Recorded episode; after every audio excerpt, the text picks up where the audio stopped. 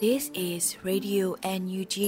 the voice of National Unity Government of Myanmar, broadcasting for Myanmar's Spring Revolution. Radio NUG is transmitting from shortwave 16 meter 17.79 megahertz at 8:30 a.m. and 25 meter 11.94 megahertz at 8:30 p.m. Myanmar Standard Time.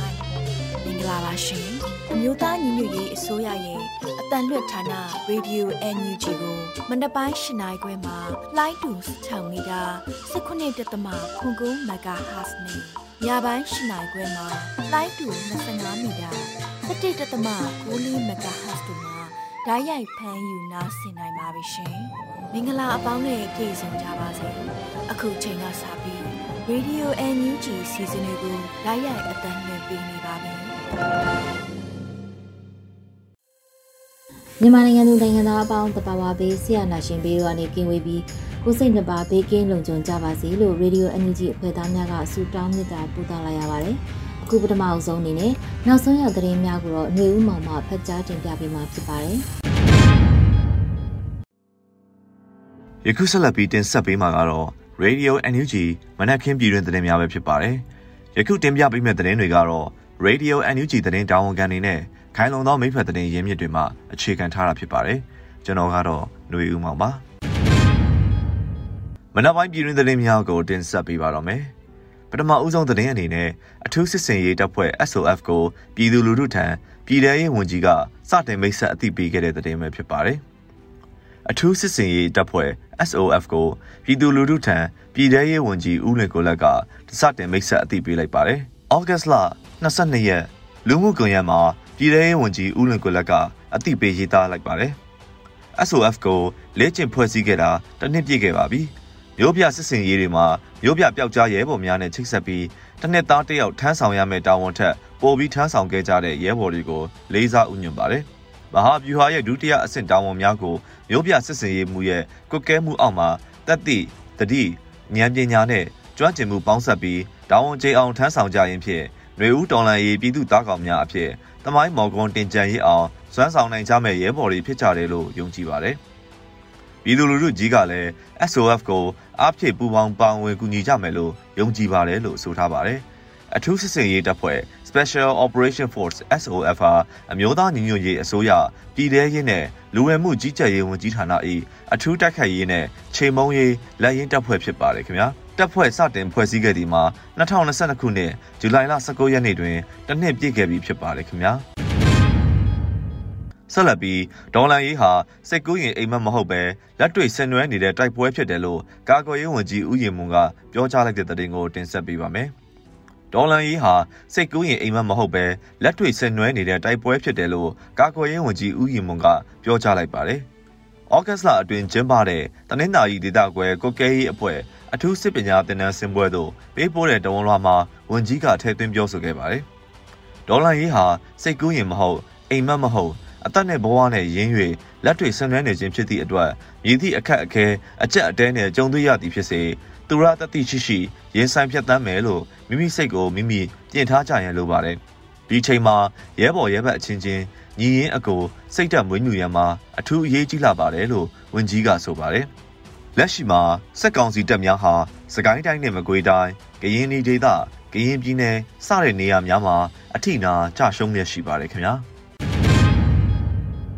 ဆက်လက်ပြီး Ranger Clay Defense Force မှမိဘဘိုးဘွားပိုင်အိမ်ဝိုင်းကွက်အားမဲစနစ်ဖြင့်ကန်ဆယ်မဲ့လက်မှတ်များရောင်းချပေးနေတဲ့တဲ့တင်ကိုတင်ဆက်ပေးပါမယ်။ Ranger Clay Defense Force မှမိဘဘိုးဘွားပိုင်အိမ်ဝိုင်းကွက်အားမဲစနစ်ဖြင့်ကန်ဆယ်မဲ့လက်မှတ်များရောင်းချပေးနေတယ်လို့သတင်းရရှိပါတယ်။ ဩဂတ်လအတွင်းမှာ Ranger Clay Defense Force မှအသိပေးဆိုပါတယ်။ဗန်နာကြီးအခြေအနေစိုးရွားနေသည့်အတွက်မိဘဘိုးဘွားပိုင်အိမ်ဝိုင်းကွက်အားမဲစနစ်ဖြင့်ကန်ဆယ်မဲလုပ်ရခြင်းဖြစ်ပါတယ်။ပေ400တရာအိမ်ဝိုင်းကွက်ကန်ဆယ်မဲကို2000ချက်ဖြင့်ကန်ဆယ်ရင် Ranger တွေကိုကူညီပါလို့ဆိုထားပါတယ်။လက်ရှိမှာတစ်ကက်အဆောင်ရေ600ကျော်ထိရောင်းချနိုင်ခဲ့ပြီး20.1ရာခိုင်နှုန်းအထိအောင်မြင်နေပြီဖြစ်ပါတယ်ခင်ဗျာ။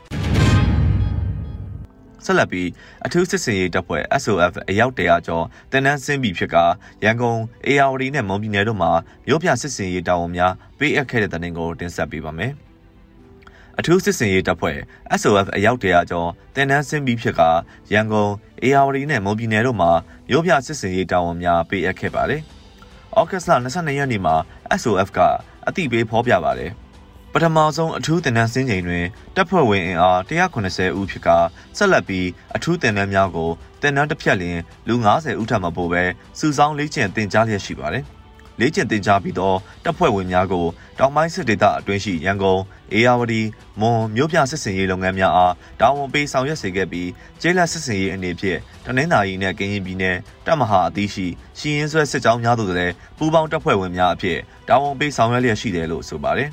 အထူးစစ်စင်ရေးတပ်ဖွဲ့ Special Operation Force SOF ဟာအမျိုးသားညီညွတ်ရေးအစိုးရပြည်ထရေးနဲ့လူဝင်မှုကြီးကြပ်ရေးဝန်ကြီးဌာန၏အထူးတိုက်ခိုက်ရေးနဲ့ချိန်မုံရေးလက်ရင်းတပ်ဖွဲ့ဖြစ်ပါတယ်။တပ်ဖွဲ့စတင်ဖွဲ့စည်းခဲ့သည်မှာ2022ခုနှစ်ဇူလိုင်လ19ရက်နေ့တွင်တနှစ်ပြည့်ခဲ့ပြီဖြစ်ပါတယ်။တပ်ဖွဲ့ကိုတပ်မဟာ6တရင်ဆက်ရှင်နယ်မြေထဲမှာစတင်လေ့ကျင့်သင်ကြားထားတဲ့အထူးကွန်မန်ဒိုနဲ့အထူးစနိုက်ပါသမား44ဦးကိုအခြေတည်ပြီးစတင်ဖွဲ့စည်းခဲ့ခြင်းဖြစ်ပါတယ်။ မြို့ပြစစ်စင်ရေးလုပ်ငန်းများကိုတောင်ပိုင်းစစ်ဒေသကုတ်ကဲရေးအဖွဲ့တာဝန်ခံနဲ့တောင်ပိုင်းစစ်စင်ရေးဒေသတာဝန်ခံ၏ညွှန်ကြားချက်များအတိုင်း SOF တပ်ဖွဲ့ရုံးမှဓာတ်ရိုက်ကုတ်ကဲစီမံက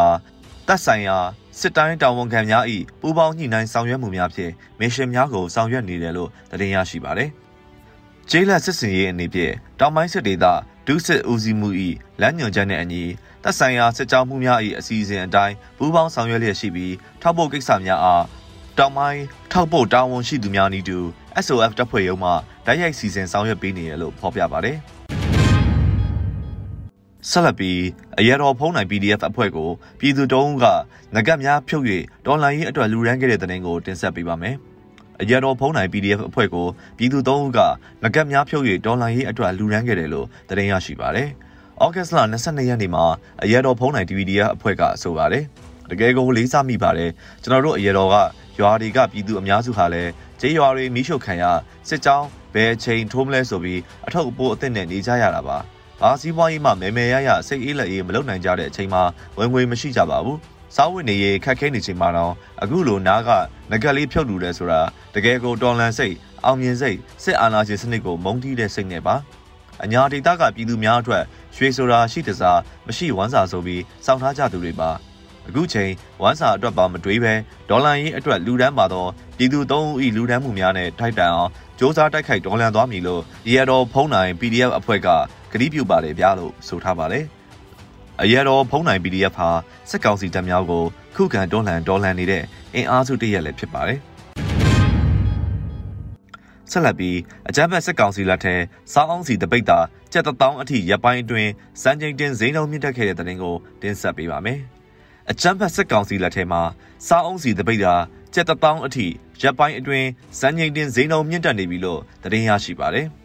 ။ဩဂတ်စ်လ22ရက်နေ့မှာရန်ကုန်မြို့နယ်ပြည်သူလူထုကိုမေးမြန်းစုံစမ်းခဲ့ပါတယ်။ပထမက8500တပိတ်တာကိုအခုကတရက်နှစ်ရက်အတွင်းကို1000ဖြစ်သွားတာလူတွေခါတိုင်းလိုမဝယ်နိုင်တော့ဘူးပေါ့။တခါချက်တချို့တက်နိုင်ရင်တပတ်စာလောက်ဝယ်ထားကြတယ်။အခုကထပ်ထပ်အောင်မဲ့သဘောပဲလို့ရန်ကုန်မြို့နယ်အသက်30ကျော်အမျိုးသမီးတဦးကလည်းဆိုပါတယ်။လက်ရှိမှာ အကြမ်းဖက်စစ်ကောင်စီကစားစီတပိတ်တာရည်ညွှန်းစေကျပ်4860သာသတ်မှတ်ထားတော့လဲပြင်ပပေါက်ဈေးမှာကျပ်1000အထိမြင့်တက်နေတာဖြစ်ပါတယ်ခင်ဗျာ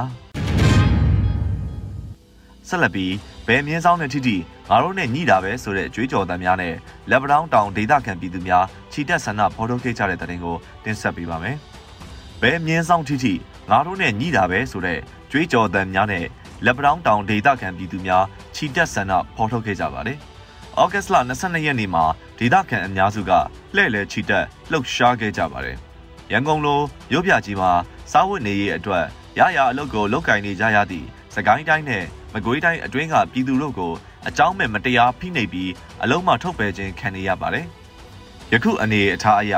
ငါးမြင်းဆောင်ရှစ်မြင်းဆောင်တို့အပေါ်နိုင်ထက်စီးနှင်းကအလုံးမထုတ်ပယ်သည့်အခြေအနေနဲ့ရင်ဆိုင်ကြုံတွေ့နေရပါတယ်။ဒါက အလုသမားအခွင့်အရေးနဲ့လွတ်လပ်စွာရှင်သန်ရက်တည်ရေးကိုပါမတရားဖိနှိပ်နေတာပဲဖြစ်ပါတယ်လို့တပိတ်ကော်မတီကဆိုပါတယ်။စစ်ကောင်စီရဲ့အကြမ်းရုပ်ဆုံးသောလောက်ရတို့ဟာငားမြင့်ဆောင်အာရတငားမြင့်ဆောင်ဓာပယငားမြင့်ဆောင်ရမပငားမြင့်ဆောင်ပလနာငားမြင့်ဆောင်ကနာနာငားမြင့်ဆောင်ဆလာကရှစ်မြင့်ဆောင်မမနာစသည့်စာသားများကိုဝတ်ဆင်ကြသည့်အင်ကြီးမှာရေးချစ်ပြီးဆန္ဒထုတ်ဖော်ခဲ့ကြပါတယ်။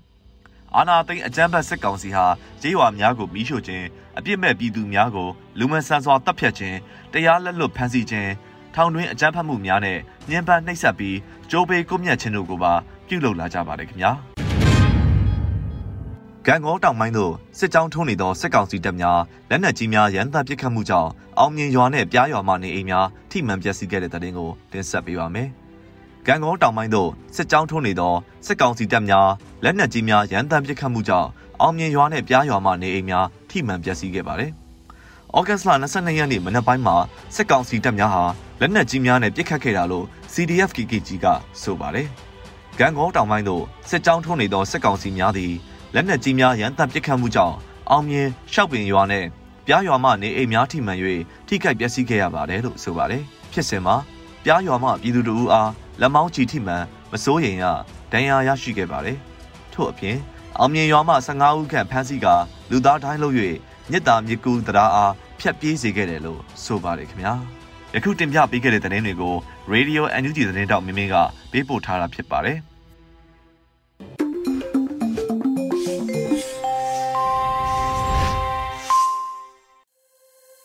ခုဆက်လက်ပြီး Radio Energy ရဲ့ရက်သက်သက်ပတ်မိုးလေဝသခန့်မှန်းချက်ကို area ဖတ်ကြားတင်ပြပေးပါရမရှင်။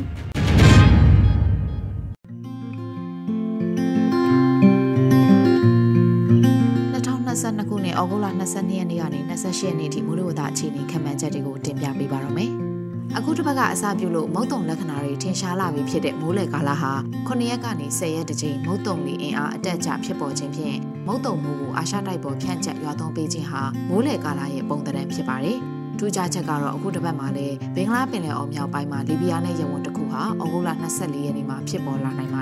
ဒါပေမဲ့ပြီးခဲ့တဲ့တစ်ပတ်ကအခြေအနေမျိုးလိုမုန်တိုင်းငယ်အဆင့်ထိအားမကောင်းနိုင်တာကြောင့်မြန်မာနိုင်ငံပေါ်မှာမိုးသီးထန်နိုင်ခြင်းနေပါပါတယ်။အရင်တစ်ပတ်အတွင်းရွာသွန်းခဲ့တဲ့မိုးရေတွေကအောက်ဘက်ကိုဆက်လက်ဆင်းလာမှာဖြစ်တဲ့အတွက်အောက်ပိုင်းဒေသတွေမှာရေကြီးရေရှမ်းပြီးအလေးထားသတိပြုရမှာဖြစ်ပါတယ်။အခုရက်တစ်ပတ်သတိပြုရန်ကတော့အခုတစ်ပတ်ဟာမုတ်တုံလေးပြားနဲ့ cell monsoon low pressure cell တခုဘင်္ဂလားပင်လယ်အော်မြောက်ပိုင်းမှာထပ်မံဖြစ်ပေါ်လာနိုင်ပေမဲ့အားသိပ်မကောင်းနိုင်တဲ့အတွက်မြန်မာနိုင်ငံဘက်မှာမိုးသိပ်မရနိုင်ပါဘူး။ မွန်ပြည်နယ်မှာသာတရက်လောက်မိုးများနိုင်ပါတယ်။ဒါပေမဲ့မြန်မာနိုင်ငံအောက်ပိုင်းဒေသတွေမှာမြန်မာနိုင်ငံအထက်ဘက်ကရှည်တွေဆင်းလာနိုင်ပြီးမြစ်ရည်တွေမြင့်တက်လာနိုင်တဲ့အတွက်မြစ်ရည်ကြီးမှုဘေးရန်တွေကိုသတိပြုရမှာဖြစ်ပါတယ်။မုတ်တုံလေးအခြေအနေနဲ့နေ့အလိုက်တပတ်စာမူလဝတ္တအခြေအနေတွေကိုဆက်လက်တင်ပြပေးသွားပါမယ်။ဩဂုတ်လ22ရက်နေ့အတွက်ခံမှန်းချက်ကတော့မြန်မာနိုင်ငံအထက်ပိုင်းအလဲပိုင်းနဲ့တောင်ပိုင်းတို့မှာအနောက်တောင်တွေတိုက်ခတ်နေနိုင်ပါတယ်။မုတ်တုံလေးအခြေအနေကတော့အိန္ဒိယနိုင်ငံအလဲပိုင်းကမုတ်တုံမုန်တိုင်းငယ် Monsoon Depression ဟာ အိန္ဒိယနိုင်ငံအလဲပိုင်းကိုရောက်ရှိနေပြီးအနောက်ဘက်ကိုဆက်ရွေ့ရှာကပြက်ပြဲသွားနိုင်ပါတယ်။ဘင်္ဂလားပင်လယ်အော်နဲ့ကပ်ပလီပင်လယ်ပြင်တို့မှာမုတ်တုံတွေအားအသင့်တင်ကနေအားကောင်းနိုင်ပါတယ်။မိုးအခြေအနေကတော့ရခိုင်ပြည်နယ်၊အေရဝတီတိုင်း၊ပဲခူးတိုင်းနေပြီးတော့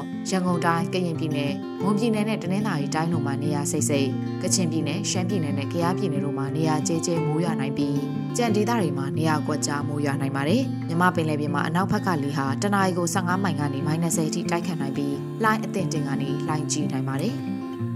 ဩဂုတ်လ23ရက်နေ့အတွက်ခံမှန်းချက်ကတော့မြန်မာနိုင်ငံအထက်ပိုင်းနဲ့အလဲပိုင်းတို့မှာတောင်လေတွေတိုက်ခတ်နိုင်ပြီးတောင်ပိုင်းမှာအနောက်လေတွေတိုက်ခတ်နေနိုင်ပါတယ်။မုတ်တုံလေအခြေအနေကတော့အိန္ဒိယနိုင်ငံအလဲပိုင်းကမုတ်တုံမုန်တိုင်းငယ် Monsoon Depression ဟာအိန္ဒိယနိုင်ငံအလဲပိုင်းကိုရောက်ရှိနေပြီးတဲ့နောက်12နာရီအတွင်းပြတ်ပြဲသွားနိုင်ပါတယ်။ဘင်္ဂလားပင်လယ်အော်နဲ့ကပ်ပလီပင်လယ်ပြင်တို့မှာမုတ်တုံလေအားအသင့်တင်ရှိနိုင်ပါတယ်။ မိုးအခြေအနေကတော့စကိုင်းတိုင်းအထက်ပိုင်းကချင်ပြည်နယ်၊အေရဝတီတိုင်း၊ရန်ကုန်တိုင်း၊ကရင်ပြည်နယ်၊မွန်ပြည်နယ်နဲ့တနင်္သာရီတိုင်းတို့မှာနေရာစိတ်စိတ်ချင်းပြည်နယ်၊ရခိုင်ပြည်နယ်၊ရှမ်းပြည်နယ်နဲ့ကယားပြည်နယ်တို့မှာနေရာကျဲကျဲမိုးရွာနိုင်ပြီးကြံဒေသတွေမှာနေရာကွက်ကြားမိုးရွာနိုင်ပါတယ်။မွန်ပြည်နယ်မှာနေရာကွက်ရိပ်မိုးကြီးနိုင်ပါတယ်။မြမပင်နယ်ပြည်မှာအနောက်အနောက်တောင်ဘက်ကလေဟာတနအီကို15မိုင်ကနေ -30 အထိတိုက်ခတ်နိုင်ပြီးလိုင်းအသင့်တင်ကနေလိုင်းကြီးနိုင်ပါတယ်။ ဩဂုတ်လ24ရက်နေ့အတွက်ခံမှန်းချက်ကတော့မြန်မာနိုင်ငံအထက်ပိုင်းအလဲပိုင်းတို့မှာတောင်လေတွေတိုက်ခတ်နိုင်ပြီးတောင်ပိုင်းမှာအနောက်လေတွေတိုက်ခတ်နေနိုင်ပါတယ်။မုတ်တုံလေအခြေအနေကတော့ဘင်္ဂလားပင်လယ်အော်မြောက်ပိုင်းမှာနောက်တစ်ချိန်လီဘီယာနဲ့ယဝန်တစ်ခုဖြစ်ပေါ်လာနိုင်ပါတယ်။ ဘင်္ဂလားပင်လယ်အော်နဲ့ကပ်ပလီပင်လယ်ပြင်တို့မှာမုတ်တုံတွေအားအသင့်တင်ရှိနိုင်ပါတယ်။မိုးအခြေအနေကတော့စကိုင်းတိုင်းအထက်ပိုင်းကချင်ပြည်နယ်၊အေရဝတီတိုင်း၊ရန်ကုန်တိုင်း၊ကရင်ပြည်နယ်၊မွန်ပြည်နယ်နဲ့တနင်္သာရီတိုင်း၊ချင်းပြည်နယ်၊ရခိုင်ပြည်နယ်၊ရှမ်းပြည်နယ်နဲ့ကယားပြည်နယ်တို့မှာနေရာကျဲကျဲမိုးရွာနိုင်ပြီးကြံဒေသတွေမှာနေရာကွက်ကြားမိုးရွာနိုင်ပါတယ်။မြမပင်လယ်ပြင်မှာအနောက်အနောက်တောင်ဘက်ကလေဟာတနအီကို15မိုင်ကနေ -30 အထိတိုက်ခတ်နိုင်ပြီးလှိုင်းအသင့်တင်ကနေလှိုင်းကြီးနိုင်ပါတယ်။ ဩဩဂုတ်လ25ရက်နေ့အတွက်ခံမှန်းချက်ကတော့မြန်မာနိုင်ငံအထက်ပိုင်းနဲ့အလယ်ပိုင်းတို့မှာတောင်လေတွေတိုက်ခတ်နိုင်ပြီးတောင်ပိုင်းမှာအနောက်လေတွေတိုက်ခတ်နေနိုင်ပါတယ်။မုတ်တုံလေအခြေအနေကတော့ဘင်္ဂလားပင်လယ်အော်မြောက်ပိုင်းမှာနောက်တစ်ချိန်ဖြစ်ပေါ်လာတဲ့လီဘီယာနဲ့ယမန်တစ်ခုဟာအိန္ဒိယနိုင်ငံခင်းကလွင်မြေပေါ်ကိုရွေးရှားရောက်ရှိနိုင်ပါတယ်။ဘင်္ဂလားပင်လယ်အော်နဲ့ကပ်ပလီပင်လယ်ပြင်တို့မှာမုတ်တုံလေအားအသင့်တင်ရှိနိုင်ပါတယ်။မိုးအခြေအနေကတော့စကိုင်းတိုင်းအထက်ပိုင်းနဲ့ကချင်ပြည်နယ်တို့မှာနေရာကျဲကျဲမိုးရွာနိုင်ပြီးကြံဒေသတွေမှာနေရာကွက်ကြားမိုးရွာနိုင်ပါတယ်။ မြမပင်လယ်ပြင်မှာအနောက်အနောက်တောင်ဘက်ကလေဟာတနအီကို15မိုင်ကနေ -30 အထိတိုက်ခတ်နိုင်ပြီးလှိုင်းအသင့်တင်ကနေလှိုင်းကြီးနိုင်ပါတယ်။ဩဂုတ်လ26ရက်နေ့အတွက်ခံမှန်းချက်ကတော့မြန်မာနိုင်ငံအထက်ပိုင်းနဲ့အလယ်ပိုင်းတို့မှာတောင်လေတွေတိုက်ခတ်နိုင်ပြီးတောင်ပိုင်းမှာအနောက်လေတွေတိုက်ခတ်နေနိုင်ပါတယ်။မုတ်တုံလေးအခြေအနေကတော့အိန္ဒိယနိုင်ငံခွင်းကလွင်မြေပေါ်မှာနောက်တစ်ချိန်ဖြစ်ပေါ်လာတဲ့လီဘီယာနဲ့ရဝွန်တစ်ခုဟာဆက်လက်တည်ရှိနိုင်ပါတယ်။ဘင်္ဂလားပင်လယ်အော်နဲ့ကပ်ပလီပင်လယ်ပြင်တို့မှာမုတ်တုံလေးအားအသင့်တင်ရှိနိုင်ပါတယ်။ မိုးအခြေအနေကတော့စကိုင်းတိုင်းအထက်ပိုင်းကချင်ပြည်နယ်နဲ့ရန်ကုန်တိုင်းတို့မှာနေရာစိတ်စိတ်ရှမ်းပြည်နယ်၊ကယားပြည်နယ်နဲ့မွန်ပြည်နယ်တို့မှာနေရာကျဲကျဲမိုးရွာနိုင်ပြီးကြံဒေသတွေမှာနေရာကွက်ကြားမိုးရွာနိုင်ပါတယ်။မြမပင်လယ်ပြင်မှာအနောက်အနောက်တောင်ဘက်ကလေဟာတနအီကို15မိုင်ကနေ -30 အထိတိုက်ခတ်နိုင်ပြီးလှိုင်းအသင့်တင်ကနေလှိုင်းကြီးနိုင်ပါတယ်။ဩဂုတ်လ29ရက်နေ့အတွက်ခံမှန်းချက်ကတော့မြန်မာနိုင်ငံအထက်ပိုင်းနဲ့အလယ်ပိုင်းတို့မှာတောင်လေတွေတိုက်ခတ်နိုင်ပြီးတောင်ပိုင်းမှာအနောက်လေတွေတိုက်ခတ်နေနိုင်ပါ တယ်။မုတ်တုံလေအခြေအနေကတော့အိန္ဒိယနိုင်ငံကင်းကလွင်မြေပေါ်မှာနောက်တစ်ချိန်ဖြစ်ပေါ်လာတဲ့လီဘီယာနဲ့ယမန်တစ်ခုဟာဆက်လက်တည်ရှိနိုင်ပါတယ်။ဘင်္ဂလားပင်လယ်အော်နဲ့ကပ်ပလီပင်လယ်ပြင်တို့မှာမုတ်တုံလေအားအသင့်တင်ရှိနိုင်ပါတယ်။မိုးအခြေအနေကတော့စကိုင်းတိုင်းကချင်ပြည်နယ်ပဲခူးတိုင်းအေရရီတိုင်းနဲ့ရန်ကုန်တိုင်းတို့မှာနေရာစိတ်စိတ်ရှမ်းပြည်နယ်၊ကယားပြည်နယ်နဲ့မွန်ပြည်နယ်တို့မှာနေရာကျဲကျဲမိုးရွာနိုင်ပြီးကြံဒေသတွေမှာနေရာကွက်ကြားမိုးရွာနိုင်ပါတယ်။မြမပင်လယ်ပြင်မှာအနောက်အနောက်တောင်ဘက်ကလေဟာတနအီကို15မိုင်ကနေ -30 အထိတိုက်ခတ်နိုင်ပြီးလှိုင်းအသင့်တင်က နေလှိုင်းကြီးနိုင်ပါတယ်။ဩဂုတ်လ28ရက်နေ့အတွက်ခံမှန်းချက်ကတော့မြန်မာနိုင်ငံအထက်ပိုင်းနဲ့အလယ်ပိုင်းတို့မှာတောင်လေတွေတိုက်ခတ်နိုင်ပြီးတောင်ပိုင်းမှာအနောက်လေတွေတိုက်ခတ်နေနိုင်ပါတယ်။မုတ်တုံလေအခြေအနေကတော့အိန္ဒိယနိုင်ငံခင်းကလွင်ပြင်ပေါ်မှာဖြစ်ပေါ်နေတဲ့လီဘီယာနဲ့ရဝွန်တစ်ခုဟာဆက်လက်တည်ရှိနိုင်ပါတယ်။ဘင်္ဂလားပင်လယ်အော်နဲ့ကပ်ပလီပင်လယ်ပြင်တို့မှာမုတ်တုံလေအားအသင့်တည်ရှိနိုင်ပါတယ်။ မိုးအခြေအနေကတော့စကိုင်းတိုင်းနဲ့ကချင်ပြည်နယ်တို့မှာနေရာအနှံ့ပြားချင်းပြည်နယ်နဲ့ရန်ကုန်တိုင်းတို့မှာနေရာစိတ်စိတ်ရှမ်းပြည်နယ်၊ကယားပြည်နယ်၊မွန်ပြည်နယ်နဲ့ရခိုင်ပြည်နယ်တို့မှာနေရာကျဲကျဲမိုးရွာနိုင်ပြီးကြံဒေသတွေမှာနေရာကွက်ကြားမိုးရွာနိုင်ပါတယ်။မြမပင်လယ်ပြင်မှာအနောက်အနောက်တောင်ဘက်ကလေဟာတနအီကို15မိုင်ကနေ -30 အထိတိုက်ခတ်နိုင်ပြီးလှိုင်းအသင့်တင်ကနေလှိုင်းကြီးနိုင်ပါတယ်ရှင်။။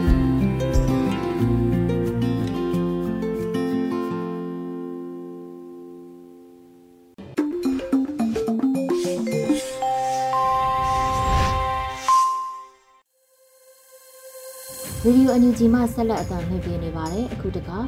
တော်လန်ရေးတေးဂီတာအနေနဲ့ Generation YZ တို့ဖန်တီးတည်ဆူထားတဲ့မျိုးရဲ့တော်လန်ရေးပါသည်လို့အမည်ရတဲ့တေးသချင်းကိုနားဆင်ကြရမှာဖြစ်ပါတယ်။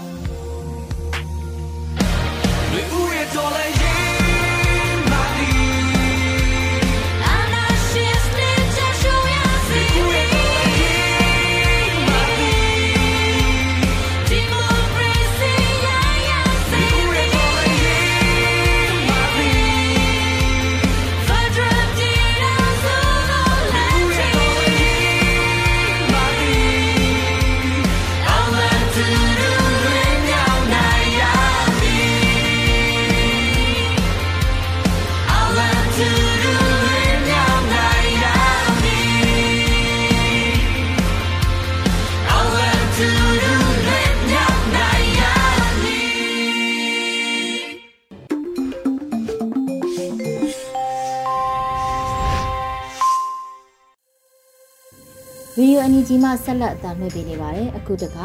ပြည်သူခုခံစစ်သတင်းများကိုတော့ຫນွေဦးလေးမှတင်ပြပေးမှာဖြစ်ပါတယ်ရှင်ပထမဦးစွာ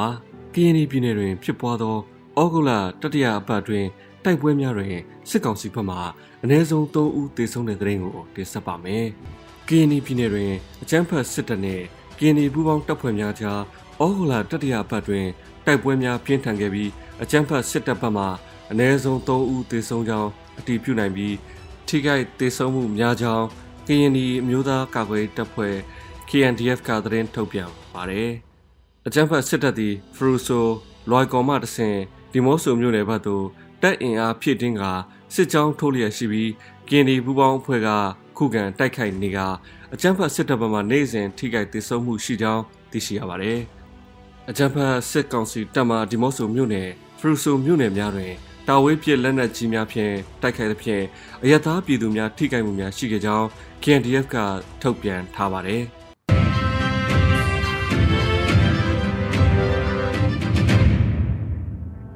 ဆက်လက်ပြီးချောင်းဦးကန်ကြီးကုန်းရွာရှိပြူစောတိစခန်းကို drone ဖြင့်ပုံကျဲမှုစစ်ကောင်စီတပ်ဖွဲ့ဝင်၄ဦးသေဆုံးတဲ့သတင်းကိုတင်ဆက်ပါမယ်။စကိုင်းတိုင်းချောင်းဦးမြို့နယ်ကန်ကြီးကုန်းရွာရှိ ပြူစောတိစခန်းကို drone ဖြင့်ပုံကျဲမှုစစ်ကောင်စီတပ်ဖွဲ့ဝင်၄ဦးသေဆုံးခဲ့ကြောင်းမြောင်မြို့နယ် TGR ပြည်သူ့ကာကွယ်တပ်မှဗိုလ်တိုက်ကကပြောပါတယ်။အော်ဂိုလာ20ရက်နေ့ချောင်းမြို့နယ်ကန်ကြီးကုန်းရွာတွင် ပြူများအခြေချနေထိုင်သော ပြူစခန်းမှာမီးမကူချီမတိုးဟုကြွေးကြော်နေသောဖြူများကို TGR Women Drone Force နဲ့ CIA Drone Team တို့ကပူးပေါင်းက TGR ကထုတ်လုပ်ထားသောဘုံများကို drone ဖြင့်ကျဲချရာ ပြူစောတိ3ဦးနဲ့စစ်သား2ဦးသေဆုံးသောကြောင်း9ဦးအပြင်းထန်ဒဏ်ရာရရှိကြောင်းသိရှိရပါတယ်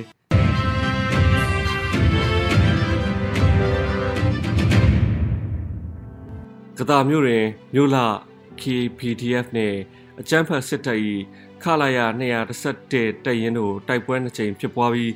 စစ်သား9ဦးသေဆုံးတဲ့တဲ့ရင်ကိုဆက်လက်တင်ဆက်ပါမယ်။စကိုင်းတိုင်းကတာမြို့နယ်ချောင်းဝကျေးရွာတွင် အကြမ်းဖက်စစ်ကောင်စီတပ်ဖွဲ့၏ခလာယာ121စစ်ကြောင်းနှင့်မြို့လ KPDF တို့ဩဂတ်လ20ရက်နေ့တွင်တိုက်ပွဲနှစ်ကြိမ်ဖြစ်ပွားပြီးစစ်ကောင်စီဘက်မှ9ဦးသေဆုံးကဒဏ်ရာရရှိသူများရှိကြောင်းမြို့လ KPDF ကသတင်းထုတ်ပြန်ပါတယ်။အေယာဝတီမြေကျောင်းလုံခြုံရေးရယူရန်ချောင်းဝရွာမှတက်ဖြန့်ထွက်လာသော AR80 ခန့်ပါခလာယာ121စစ်ကြောင်းနှင့်မြို့လာ KPDF တို့ကြား ညနေ9:20မှစတင်ကတိုက်ပွဲနှစ်ကြိမ်ဖြစ်ပွားခဲ့ကြောင်းသိရှိရပါတယ်။အကြံဖတ်စစ်ကောင်စီစစ်ကြောင်းကိုမြို့လာ KPDF ကလက်နက်ကြီးလက်နက်ငယ်များဖြင့်လိုက်လံတိုက်ခိုက်ရာ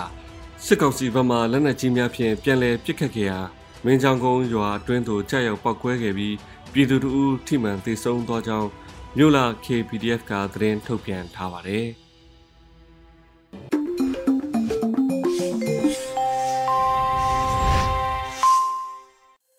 ရေဒီယိုအန်ယူဂျီမှဆက်လက်အသံလွှင့်ပေးနေပါတယ်။အခုတခါ PPTV ရဲ့နေ့စဉ်သတင်းများကိုတော့ထထအင်ဒရာအောင်မှတင်ပြပေးမှာဖြစ်ပါတယ်ရှင်။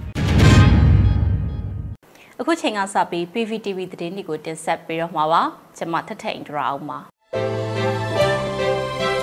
ထမအောင်ဆုံးတင်ဆက်ပေးမှာကတော့ One Day Challenge လှုပ်ရှားမှုကပြည်သူ့ကာကွယ်ရေးအဖွဲ့18ဖွဲ့စီကိုတစ်ဖွဲ့ကိုကြက်သိန်း20စီထောက်ပံ့ကူညီပေးခဲ့ရဆိုတဲ့သတင်းမှာဆီယနာသိမ်းမှုစန့်ကျင်ရေးကော်မတီကိုရီးယားက One Day Challenge လှုပ်ရှားမှုကနေပြည်သူ့ကာကွယ်ရေးအဖွဲ့18ဖွဲ့စီကိုတစ်ဖွဲ့ကိုကြက်သိန်း20စီထောက်ပံ့ကူညီမှုတွေလုပ်ပေးခဲ့တယ်လို့သတင်းထုတ်ပြန်လိုက်ပါတယ်။အခုထောက်ပံ့မှုကဩဂတ်လအတွက်ထောက်ပံ့တာဖြစ်ပြီးတော့ပြည်သူ့ကာကွယ်ရေးအဖွဲ့ PDF တွေကိုအမျိုးသားညီညွတ်ရေးအစိုးရရဲ့ထောက်ပံ့ကူညီငွေအဖြစ်နဲ့ပေးပို့ခဲ့တာဖြစ်ပြီးတော့အဖွဲ့18ဖွဲ့အတွက်ကြက်သိန်း360ကိုထောက်ပံ့ပေးခဲ့တာပါ။ဆီယနာသိမ်းမှုစန့်ကျင်ရေးကော်မတီကိုရီးယားက 2021ခုနှစ်ဩဂတ်လကနေပြီးတော့2022ခုနှစ်ဇူလိုင်လထိရရှိခဲ့တဲ့ One Day Challenge လှုပ်ရှားမှုရမုံငွေတွေကမှလစဉ်ဒေါ်လာ3သိန်းနဲ့ညီမျှတဲ့ဝန်ငွေကိုအမျိုးသားညီညွတ်ရေးအစိုးရထံပေးပို့လာခဲ့တာ2022ခုနှစ်ဇူလိုင်လ25ရက်နေ့ထိစုစုပေါင်းဒေါ်လာတသက်အားပေးပို့ခဲ့ပြီးဖြစ်ပါတယ်။အမျိုးသားညီညွတ်ရေးအစိုးရက One Day Challenge ထောက်ပံ့ငွေတွေကိုအမျိုးသားညီညွတ်ရေးအစိုးရရဲ့ဒေသန္တရအုပ်ချုပ်ရေးအကောင့်ထဲပေါ်ဆောင်ရနိုင်ရန်နဲ့နယ်မြေစုံမွေရေးကိစ္စရပ်တွေအတွက်သုံးစွဲနေပါတယ်။လစဉ်လှူဒန်းနေတဲ့ One Day Challenge member ဝင်တွေကိုကိုအခွန်ငွေအဖြစ်သတ်မှတ်ပြီးတော့ယာယီသမရကမှတ်တမ်းတင်ဂုဏ်ပြုလွှာတွေလည်းပေးပို့နေပါတယ်။ One Day Challenge Member ဝင်2034ဦးရှိပြီးတော့လစဉ်အမျိုးသားညီညွတ်ရေးအစိုးရနဲ့ပြည်တွင်း PDF UG အဖွဲ့တွေကိုအလှူငွေ1,900ကျော်ဒေါ်လာ3,400ကျော်ပံ့ပိုးထားနိုင်တယ်လို့ဖော်ပြထားပါတယ်။အခုတင်ဆက်ပေးမှာကတော့ပြည်ပရောက်ထောက်ပံ့ရေးအဖွဲ့ MFDMC ကထိုင်းနိုင်ငံရောက်မြန်မာလုပ်သားတွေကိုຫນွေဦးတော်လှန်ရေးထောက်ပို့တပ်သားတွေအဖြစ်ပါဝင်နိုင်ရေး လှုပ်ဆော်အသိပေးမှုတွေပြုလုပ်နေတဲ့ဆိုတဲ့သတင်းမှာအမျိုးသားညီညွတ်ရေးအစိုးရကာကွယ်ရေးဝန်ကြီးဌာနကတရားဝင်အသိအမှတ်ပြုထားတဲ့ပြည်ပရောက်ထောက်ပံ့ရေးအဖွဲ့ဖြစ်တဲ့မြန်မာ Federal Democracy အောင်နိုင်ရေးအဖွဲ့ပေါင်းချုပ် MFDMC ကထိုင်းနိုင်ငံရောက်မြန်မာနိုင်ငံလှုပ်သားတွေကိုနှွေဦးတော်လှန်ရေးထောက်ပို့တပ်သားတွေအဖြစ်နဲ့ပါဝင်နိုင်ရေးလှုပ်ဆော်အသိပေးမှုတွေပြုလုပ်နေပါတယ်။ထိုင်းနိုင်ငံမှာနှွေဦးတော်လှန်ရေးထောက်ပို့တပ်သားအဖြစ်နဲ့လစဉ်တအူးကိုဘတ်300နှုန်းထည့်ဝင်ပြီးတော့တော်လှန်ရေးအတွက်ထောက်ပို့တပ်သားအဖြစ်ပါဝင်နိုင်တယ်ဆိုပြီးတော့စီယုံရေးတွေပြုလုပ်နေတာပါ။ Page ပေါ်နယ်မြေမှာရှိတဲ့မြန်မာအလုပ်သမားတွေကိုအမျိုးသမီးလူငယ်နဲ့ကလေးတငယ်ရေးရာဒူဝင်ကြီးမိတ်တင်ဆောင်ပေါင်း CDM ဘိုကြီးကိုလင်းထအောင်တို့ကအွန်လိုင်းကနေတဆင့်အားပေးစကားပြောကြပြီးတော့ KTJ Supporting Group ကကိုယ်စားလှယ်တွေကနေပြီးတော့ MFDMC ရဲ့ခံယူချက်နဲ့ထောက်ပံ့မှုအစစ်စစ်ထောက်ပံ့ငွေစီးဆင်းပုံတွေကိုအသေးစိတ်ပြန်လည်ရှင်းပြခဲ့ပါတယ်။တလကိုဘတ်300လစဉ်ထောက်ပံ့ပေးသွင်းပြီးတော့6လပြည့်တဲ့အခါမှာ MFDMC ရဲ့တရားဝင်တက်သားကတ်ကိုရရှိမှာဖြစ်တယ်လို့တရားဝင်ထောက်ဖို့တက်သားကတ်အမြန်လိုချင်တဲ့သူတွေအနေနဲ့6လမဆောင်နိုင်ရင်6လစာဘတ်1800ပေးသွင်းပြီးတော့ ထောက်ဖို့တက်သားကတ်ကိုစီမီရင်တိုင်းရယူနိုင်ပါတယ်။ထိုင်းရောက်မြန်မာလူသားတွေရဲ့တရက်တာလှုပ်အားကကိုထောက်ဖို့ပြုလုပ်ခြင်းနဲ့အကြမ်းဖက်ဆီယနာရှင်ကိုတိုက်ထုတ်တော်လှန်နေတဲ့ PDF တွေကိုလည်းထောက်ပံ့နိုင်မှာဖြစ်တယ်လို့ MFDMC ကပြောပါတယ်။ကျေးဇူးတင်ပါတယ်ရှင်။ဒီကနေ့ကတော့ဒီညနေပဲ Radio NUG ရဲ့အစီအစဉ်လေးကိုခေတ္တရ延လိုက်ပါမယ်ရှင်မြန်မာစံတော်ချိန်မနေ့၈နိုင်ခွဲနဲ့ည၈နိုင်ခွဲအချိန်တွေမှာပြောင်းလဲဆိုပြကြပါလို့ရှင် Radio NUG ကိုမနေ့ပိုင်း၈နိုင်ခွဲမှာလိုင်းတူ16မီတာ19.7ခုကူမဂါဟတ်နဲ့ညပိုင်း၈နိုင်ခွဲမှာလိုင်းတူ25မီတာ17.6မဂါဟတ်တို့မှာဓာတ်ရိုက်ဖမ်းယူနားဆင်နိုင်ပါပြီရှင်။မြန်မာနိုင်ငံသူနိုင်ငံသားများကိုစိတ်နှဖျားစမ်းမချမ်းသာလို့ဘေးကင်းလုံခြုံကြပါစေလို့ Radio NUG ရဲ့ဖွဲ့သူဖွဲ့သားများကဆုတောင်းလိုက်ရပါတယ်။ San Francisco Bay Area အခြေဆိုင်မြန်မာမိသားစုများနဲ့နိုင်ငံတကာကစေတနာရှင်များလို့အားပေးကြရဲ့ Radio NUG ဖြစ်ပါတယ်ရှင်။အရေးတော်ပုံအောင်ရမည်